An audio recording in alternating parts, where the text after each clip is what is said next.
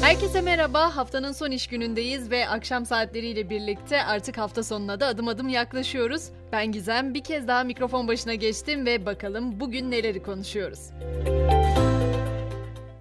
okullarda karne heyecanı vardı. 12 Eylül'de başlayan 2022-2023 eğitim öğretim yılının birinci dönemi bugün sona erdi. 19 milyondan fazla öğrenci 2 hafta yarı yıl tatili yapacak. İkinci dönem 6 Şubat'ta başlayacak. Tüm öğrenci ve öğretmenlerimize iyi dinlenmeler.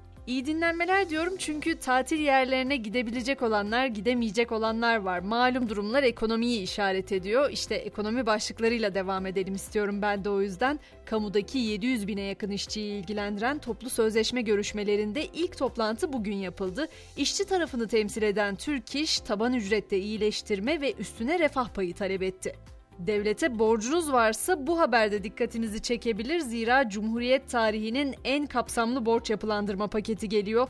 23 Ocak'ta kabinede masaya yatırılacak paketle 31 Aralık 2022'ye kadar devlete olan borçlar yapılandırılacak. Vergi, sigorta primi borçlarıyla adli ve idari cezalar için yapılandırma imkanı sunulacak bu düzenleme şirketlere de matrah artırımı, kasa ve stok affı imkanı sağlayacak. Halkın ekonomisine bakacak olursak Kadıköy'de bir daire fiyatına İngiltere'de şato almanız mümkün. Evet söylediğim doğru çünkü sosyal medya bütün gün bu konuyu tartıştı. İngiltere'de 1 milyon 250 bin pound'a satılan bir şatoyla Kadıköy Caddebostan'da aynı fiyata satılan apartman dairesi sosyal medyayı da bir anlamda ikiye böldü bu ikisi nasıl aynı fiyata olabiliyor diye soranların yanı sıra şatoyu toplu taşımaya uzak bulanlar da çıktı. Yine yapılan yorumlardan bu paralara İrlanda'da kale alınabildiğini de öğrenmiş olduk. Ama tabi bu bahsettiğim asla bir yatırım tavsiyesi değildir.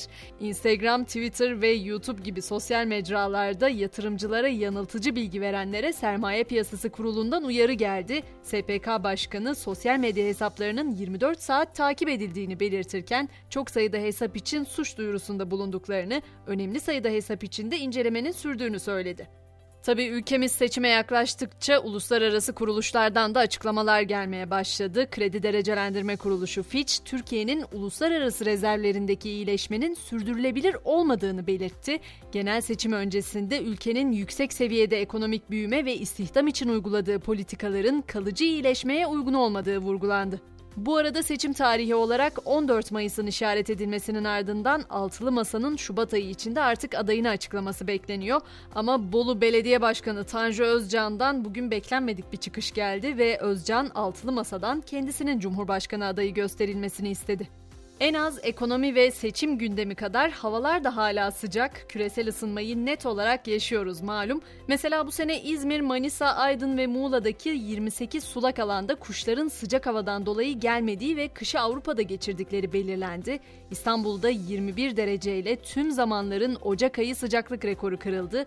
Erzurum son 52 yılın en sıcak kış dönemini yaşıyor.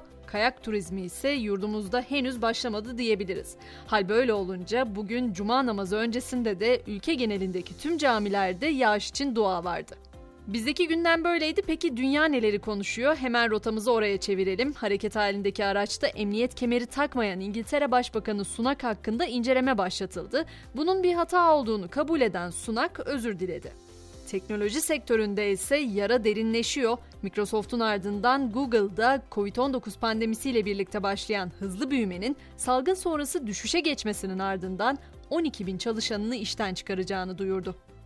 Şimdi size bir sorum var. Bir tekneyle denizde sürüklenirken hayatta kalmaya çalıştığınızı hayal ettiniz mi hiç? Belki Pi'nin yaşamı filmini izlerken etmiş olabilirsiniz ama şimdi anlatacağım bir filmden sahne değil. Karayip Denizi'nde tekneyle sürüklenen 47 yaşındaki Dominik'le Elvis François bir şişe ketçap, sarımsak tozu ve et suyu tabletleri yiyerek tam 24 gün boyunca hayatta kalmayı başardı.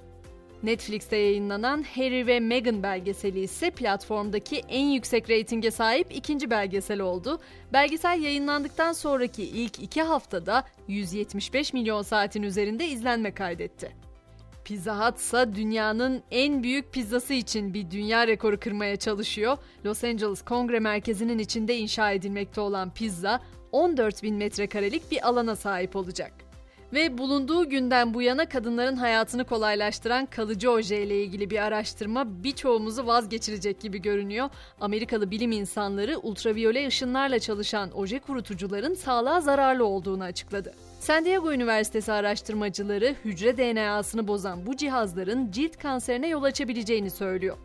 Güncellenmemizin son durağı Poto olacak. Basketbolda Avrupa Ligi'nin 20. haftasında bu akşam temsilcimiz Anadolu Efes Almanya'nın Bayern Münih ekibini konuk edecek. Bu maçın başlama saatinin de 20.30 olacağını belirteyim. Böylece Podi ile akşam güncellenmemizin burada sonuna geliyoruz. Pazartesi günü sabah 7'de tekrar görüşünceye kadar herkese güzel bir hafta sonu geçirmesini diliyorum. Şimdilik hoşçakalın.